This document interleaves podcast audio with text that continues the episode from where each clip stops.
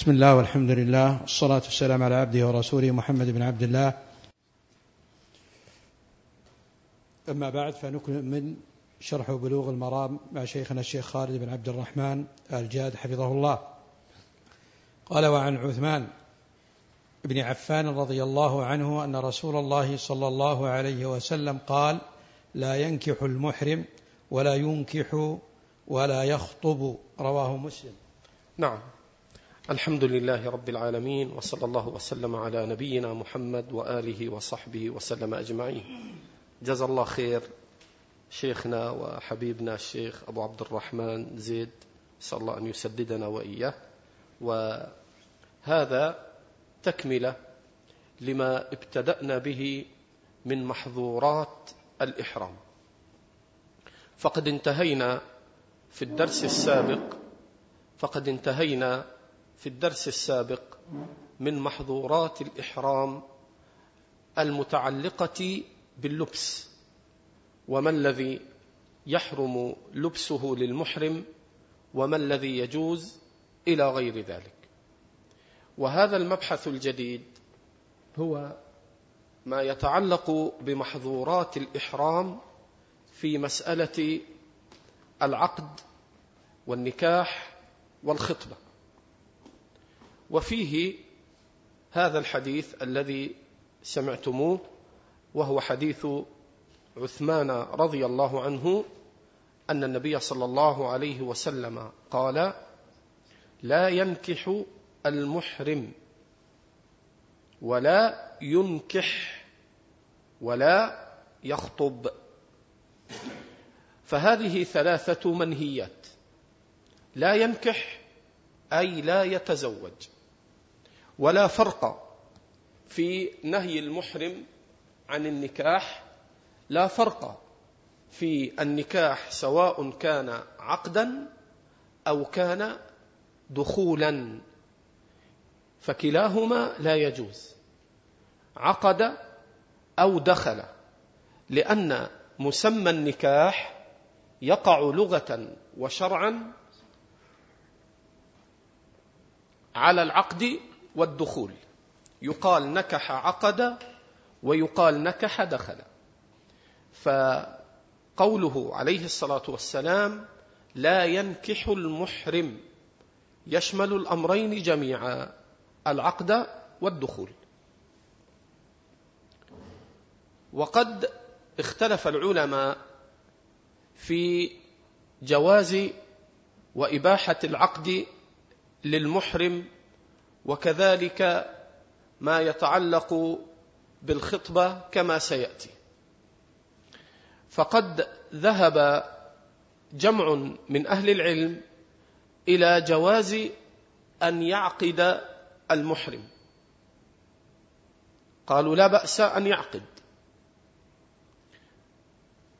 وهؤلاء احتجوا بما رواه مسلم من حديث ابن عباس رضي الله عنهما قال نكح رسول الله صلى الله عليه وسلم ميمونة وهو محرم.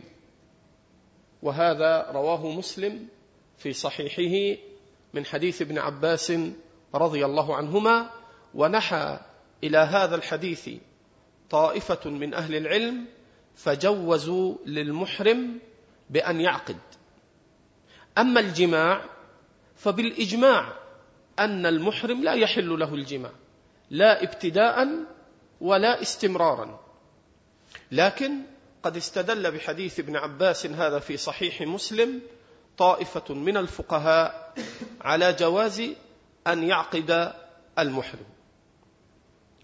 وهذا مما خطأ فيه العلماء ابن عباس وتأوله آخرون. بما ثبت أيضا في صحيح مسلم عن ميمونة نفسها قالت نكحني رسول الله صلى الله عليه وسلم وهو حلال. فهي صاحبة القصة. وميمونة هي التي تقول بأن النبي صلى الله عليه وسلم نكحها وهو متحلل وهو حلال لم يكن محرما.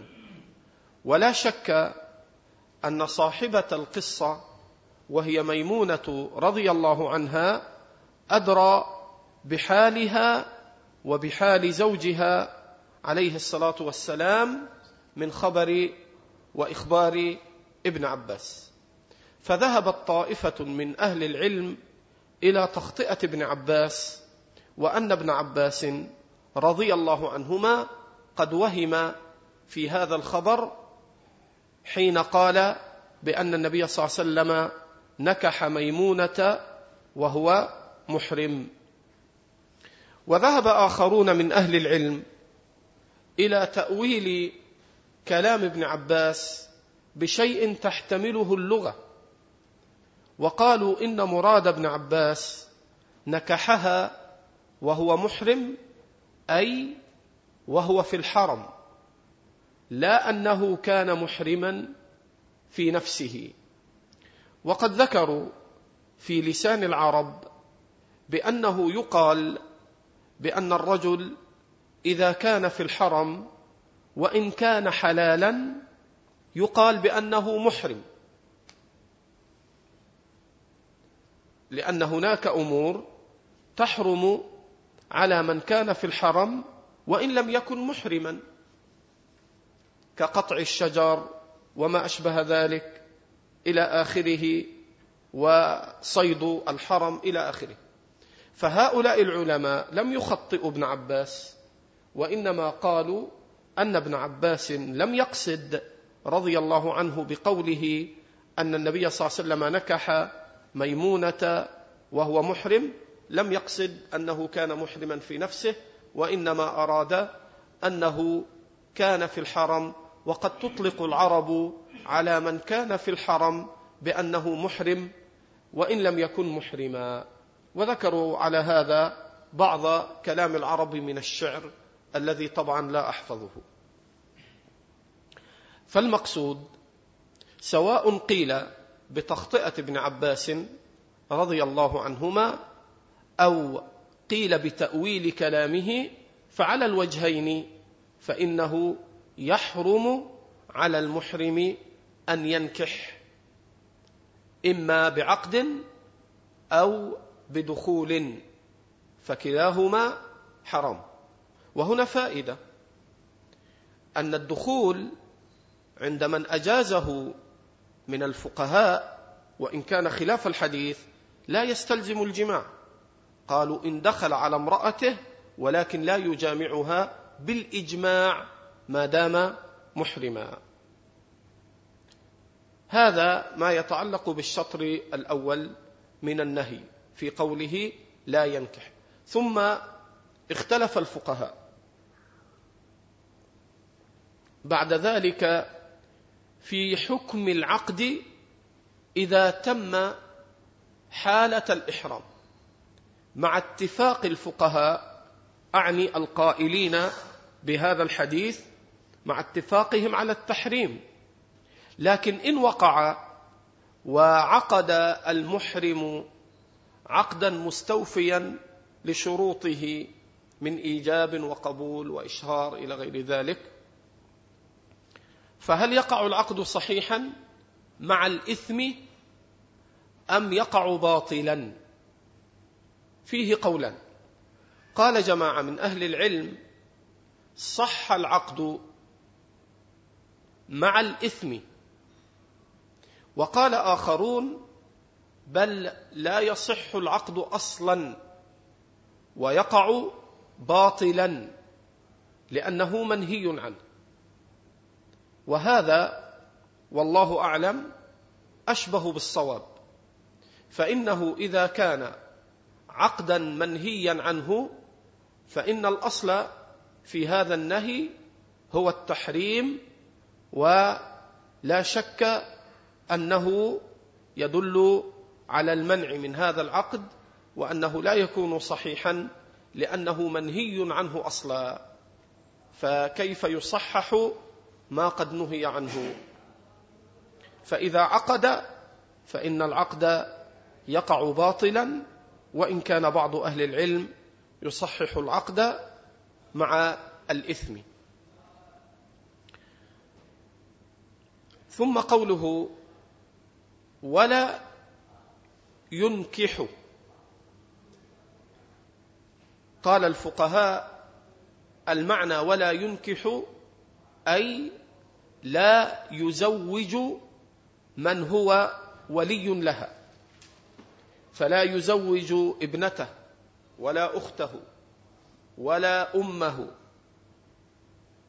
لا يزوجها وهو محرم فهو منهي عن أمرين منهي أن يعقد لنفسه بأن يتزوج ومنهي أن يعقد لغيره ممن يكون هو وليا له فكلاهما لا يجوز.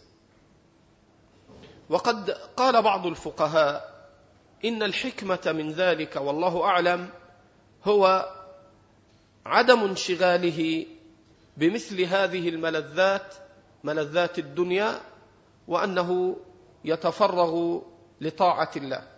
ولذلك لما سئل العلامة الإمام الشيخ ابن باز ما الحكمة في تحريم الطيب على المحرم؟ فقال الشيخ بن باز الله أعلم الله أعلم. ثم قال لكن قد يكون من باب ترك الترفه والتنزه في هذه الطاعة. فلذلك سد على المحرم الطيب. وعليكم السلام. وسد عنه أيضا أن ينكح أو ينكح. الأمر الثالث قال ولا يخطب. الخطبة هي مقدمات العقد.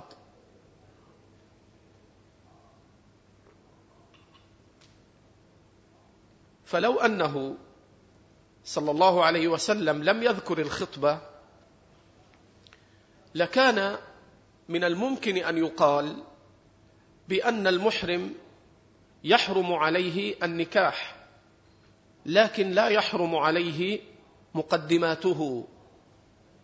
ولذلك قطع النبي صلى الله عليه وسلم هذا الاحتمال بقوله ولا يخطب. فلا يجوز النكاح قال أهل العلم ولا مقدمات العقد. ومقدماته هي الخطبة. فلا يجوز أن يخطب.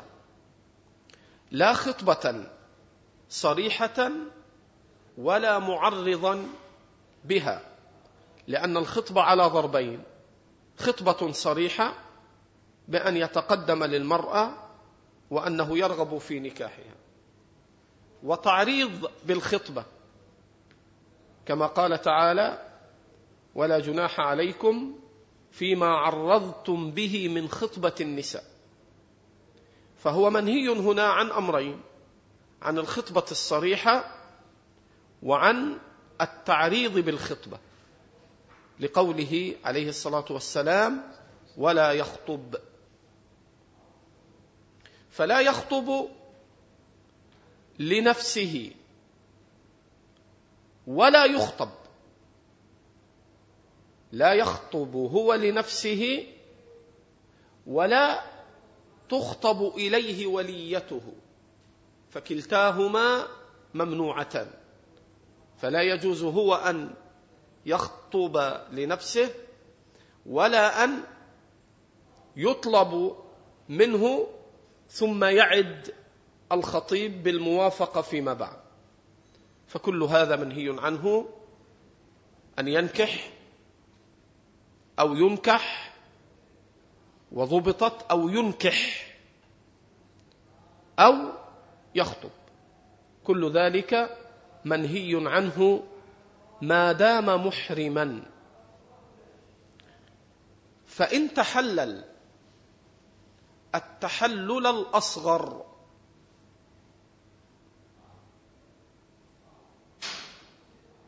لأننا نعلم أن التحلل إما أن يكون تحللا أكبر أو أن يكون تحللا أصغر.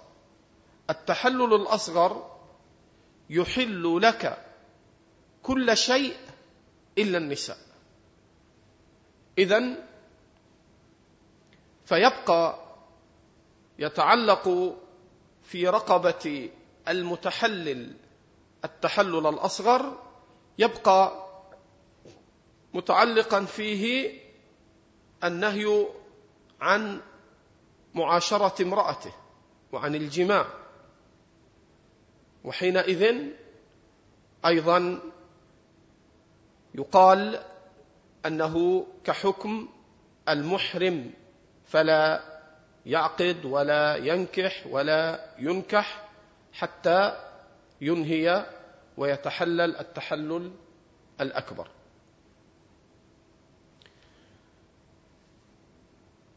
هذا شيء مما يتعلق بهذه المسائل التي هي نكاح المحرم لنفسه أو لغيره مع الخطبة. نعم والله أعلم. وعن أبي قتادة الأنصاري رضي الله عنه في قصة صيده الحمار الوحشي وهو غير محرم.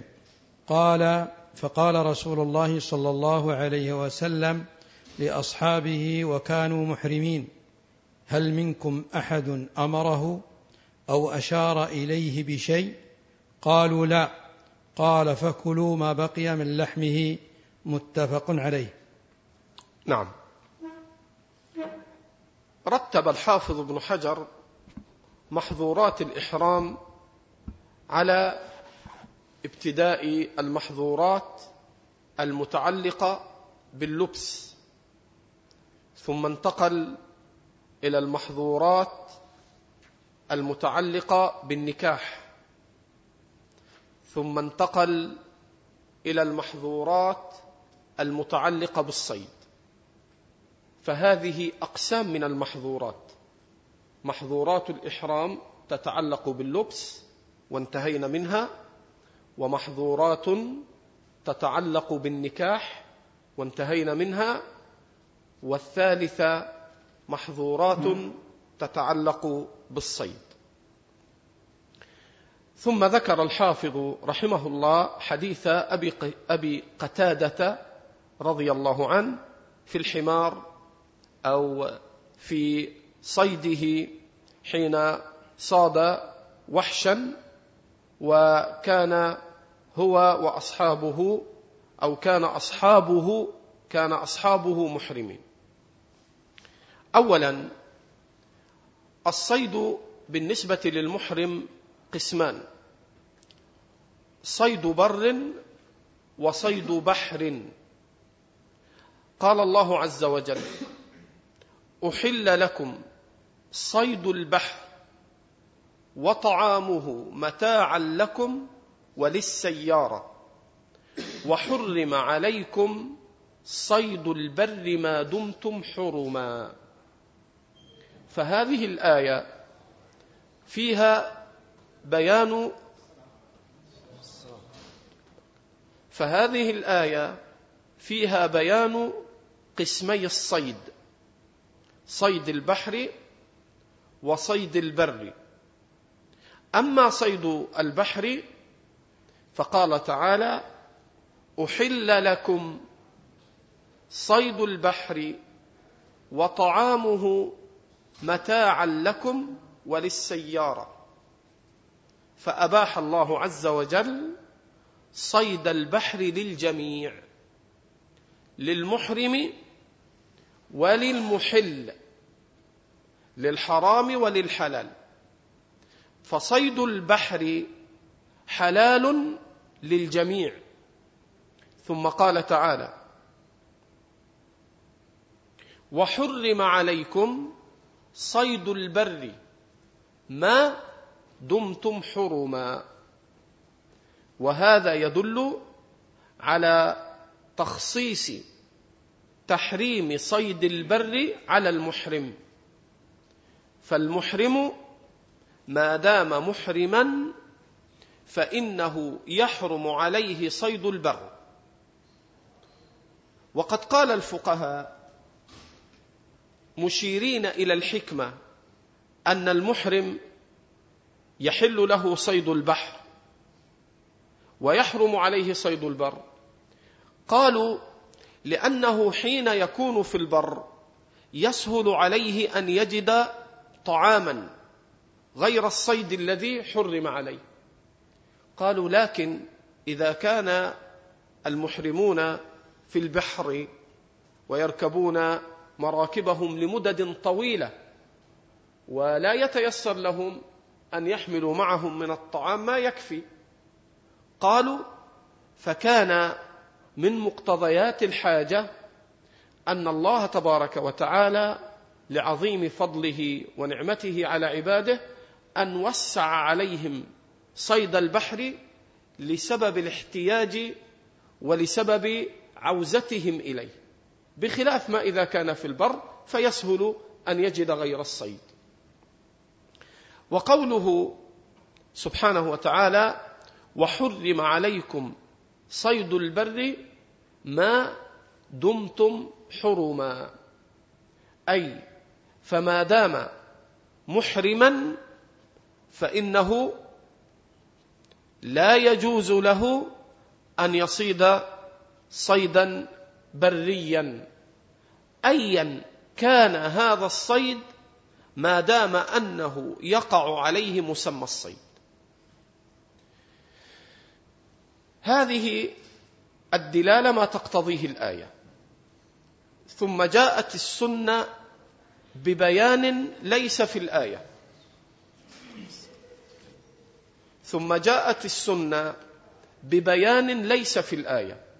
فحديث أبي قتادة رضي الله عنه أنه صاد صيدا ثم أهدى لإخوانه وكانوا محرمين. فامتنعوا أن يأكلوا لأنهم يعلمون أنه يحرم عليهم صيد البر. فلما وعليكم السلام فلما سألوا النبي عليه الصلاة والسلام قال هل منكم أحد أمر أمره بذلك؟ أو أشار إليه قالوا لا. فرخص لهم وقال كلوا ما بقي من لحمه. متفق عليه. وقوله عليه الصلاة والسلام هل منكم من أمر أمره بذلك؟ هل أحد منكم أمره بأن يصيد أو أشار إليه؟ هذا الاستفهام يقول الفقهاء من علماء الأصول هو استفهام تعليل تعلق به الأحكام. استفهام تعليل أي أن العلة في جواز أن تأكلوا هذا الصيد العلة هي أنكم لم تشاركوه لا بأمر ولا بإشارة. فدل ذلك على أنهم لو شاركوه بأمر فقالوا له صد هذا الصيد أو أشاروا إليه قالوا بيدهم هكذا فالتفت فوجد صيدا فصاده أنه لا يحل له. وهذا مثله سؤال التعليل يتضح لك كما ثبت عن النبي صلى الله عليه وسلم عن بيع الرطب بالتمر. فقال أينقص الرطب إذا يبس؟ قالوا نعم. فنهى عن ذلك. إلى غير ذلك من الأسئلة التي هي أسئلة تعليلية ترتبط بها الأحكام. ومنه أيضا لما جاء الرجل يستأذن النبي صلى الله عليه وسلم أن يصلي في بيته في صحيح مسلم. قال هل تسمع النداء بالصلاة؟ قال نعم. قال فأجب. فعلى طالب العلم أن ينتبه أن من مسالك معرفة العلل وارتباط الأحكام بها أن يرد على لسان النبي صلى الله عليه وسلم السؤال الذي يدل على أن الحكم معلل به كما سأل. أينقص الرطب إذا يبس كما سأل. هل تسمع النداء بالصلاة؟ كما سأل. هنا هل منكم من أمر أمره بذلك أو أشار إليه؟ قالوا لا. فرتب على ذلك الحل وأباح لهم أن يأكلوا ما بقي من لحمه. وهذا يعطيك كيف أن طالب العلم عليه أن يقرن بين دلالة القرآن والسنة؟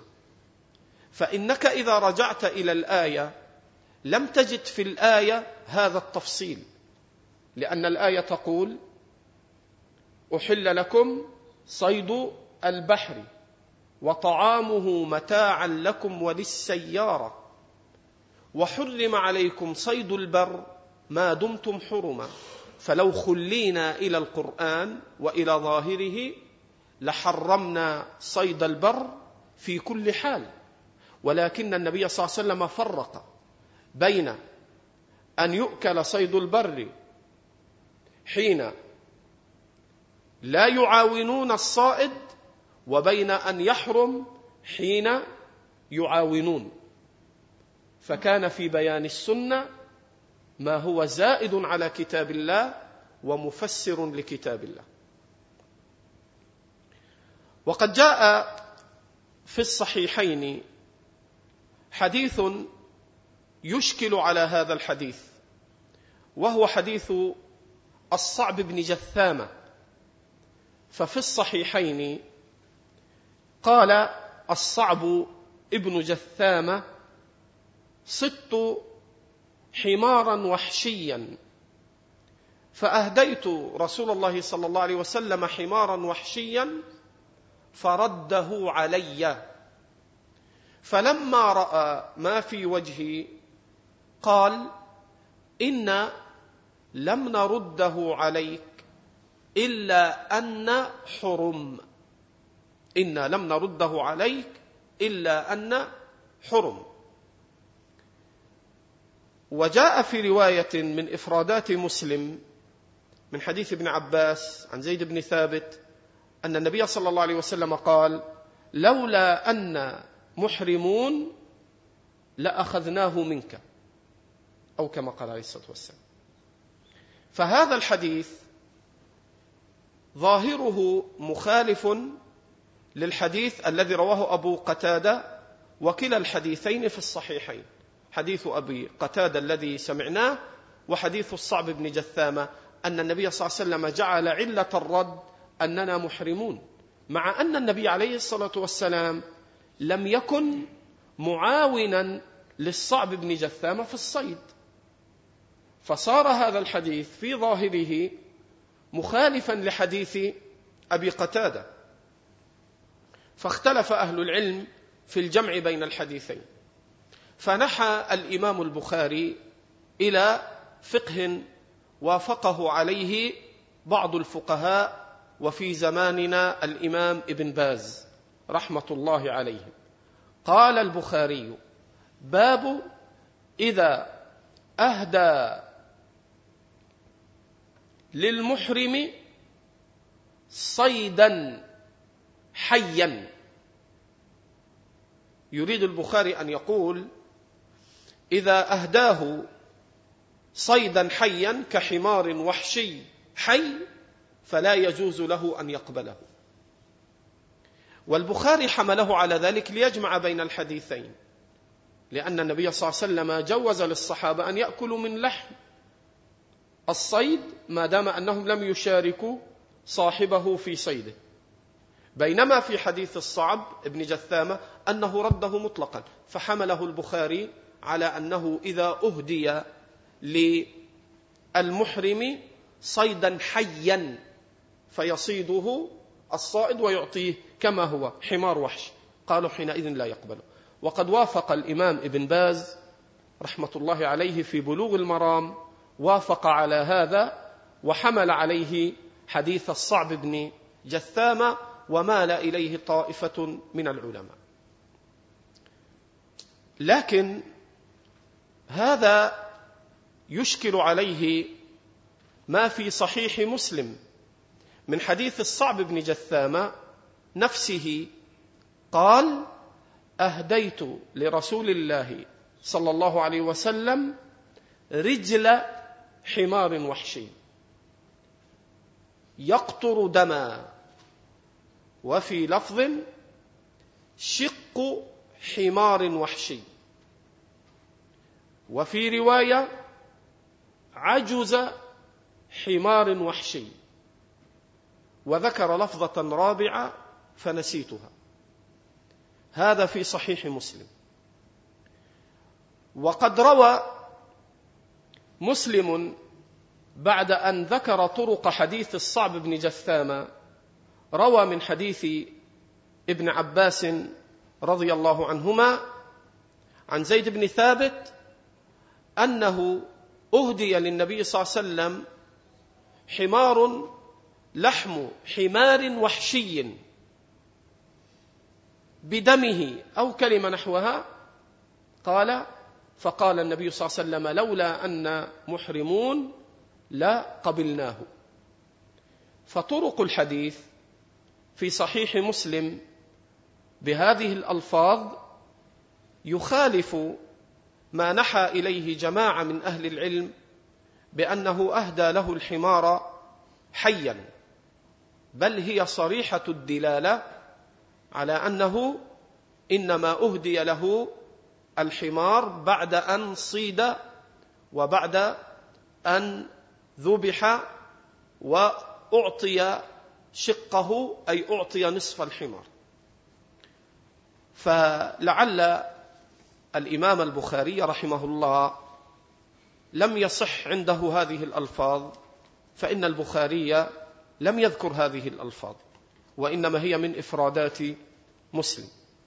وعليه فإن الجواب الصحيح في هذا أنه في قوله عليه الصلاة والسلام إنا لم نرده عليك إلا أن حرم فهذا يدل على المنع مطلقا. أعان أو لم يعن. والحديث الذي فيه هل منكم من أمر أو أشار يدل على أنه يجوز لهم أن يأكلوا ذلك إذا لم يشاركوا. وهنا امتناعه عليه الصلاة والسلام ليس فيه الحجة على التحريم. أي أنه امتنع أن يأخذه ولم يفت بتحريمه فقال إن لم نرده عليك إلا ان حرم. فإذا تورع المحرم عن قبوله فله ذلك له أن يتورع لكن ليس في حديثه في امتناعه عن القبول أنه حرم ذلك. وإنما ربما امتنع عليه الصلاة والسلام لمصلحة رآها حتى قال بعض الفقهاء أنه كان من الممكن أن يكون ظن أن هذا الصحابي إنما حمله على أن يصيد إكراما لرسول الله صلى الله عليه وسلم فسد الباب تورعا. والحاصل أن حديث امتناع النبي إن لم نرده عليك إلا أن حرم غايته فعل وليس فيه نهي وليس فيه تحريم وهذا باب واسع. إن أراد المحرم أن يتورع عن الصيد تورع. وإلا فالأصل ما بينه صلى الله عليه وسلم من قوله والقول آكد وأقوى من الفعل.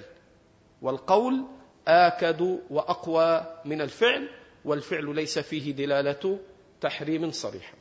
هذا حاصل الجمع ما بين حديث أبي قتادة وما بين حديث الصعب بن جثامة وعليه فإنه يحرم الصيد ويحرم الإعانة عليه وأن من أعان عليه فقد شارك الصائد في حكم التحريم وإذا لم يعن فإنه يباح له صيد البر وإن امتنع تورعا فالأمر واسع.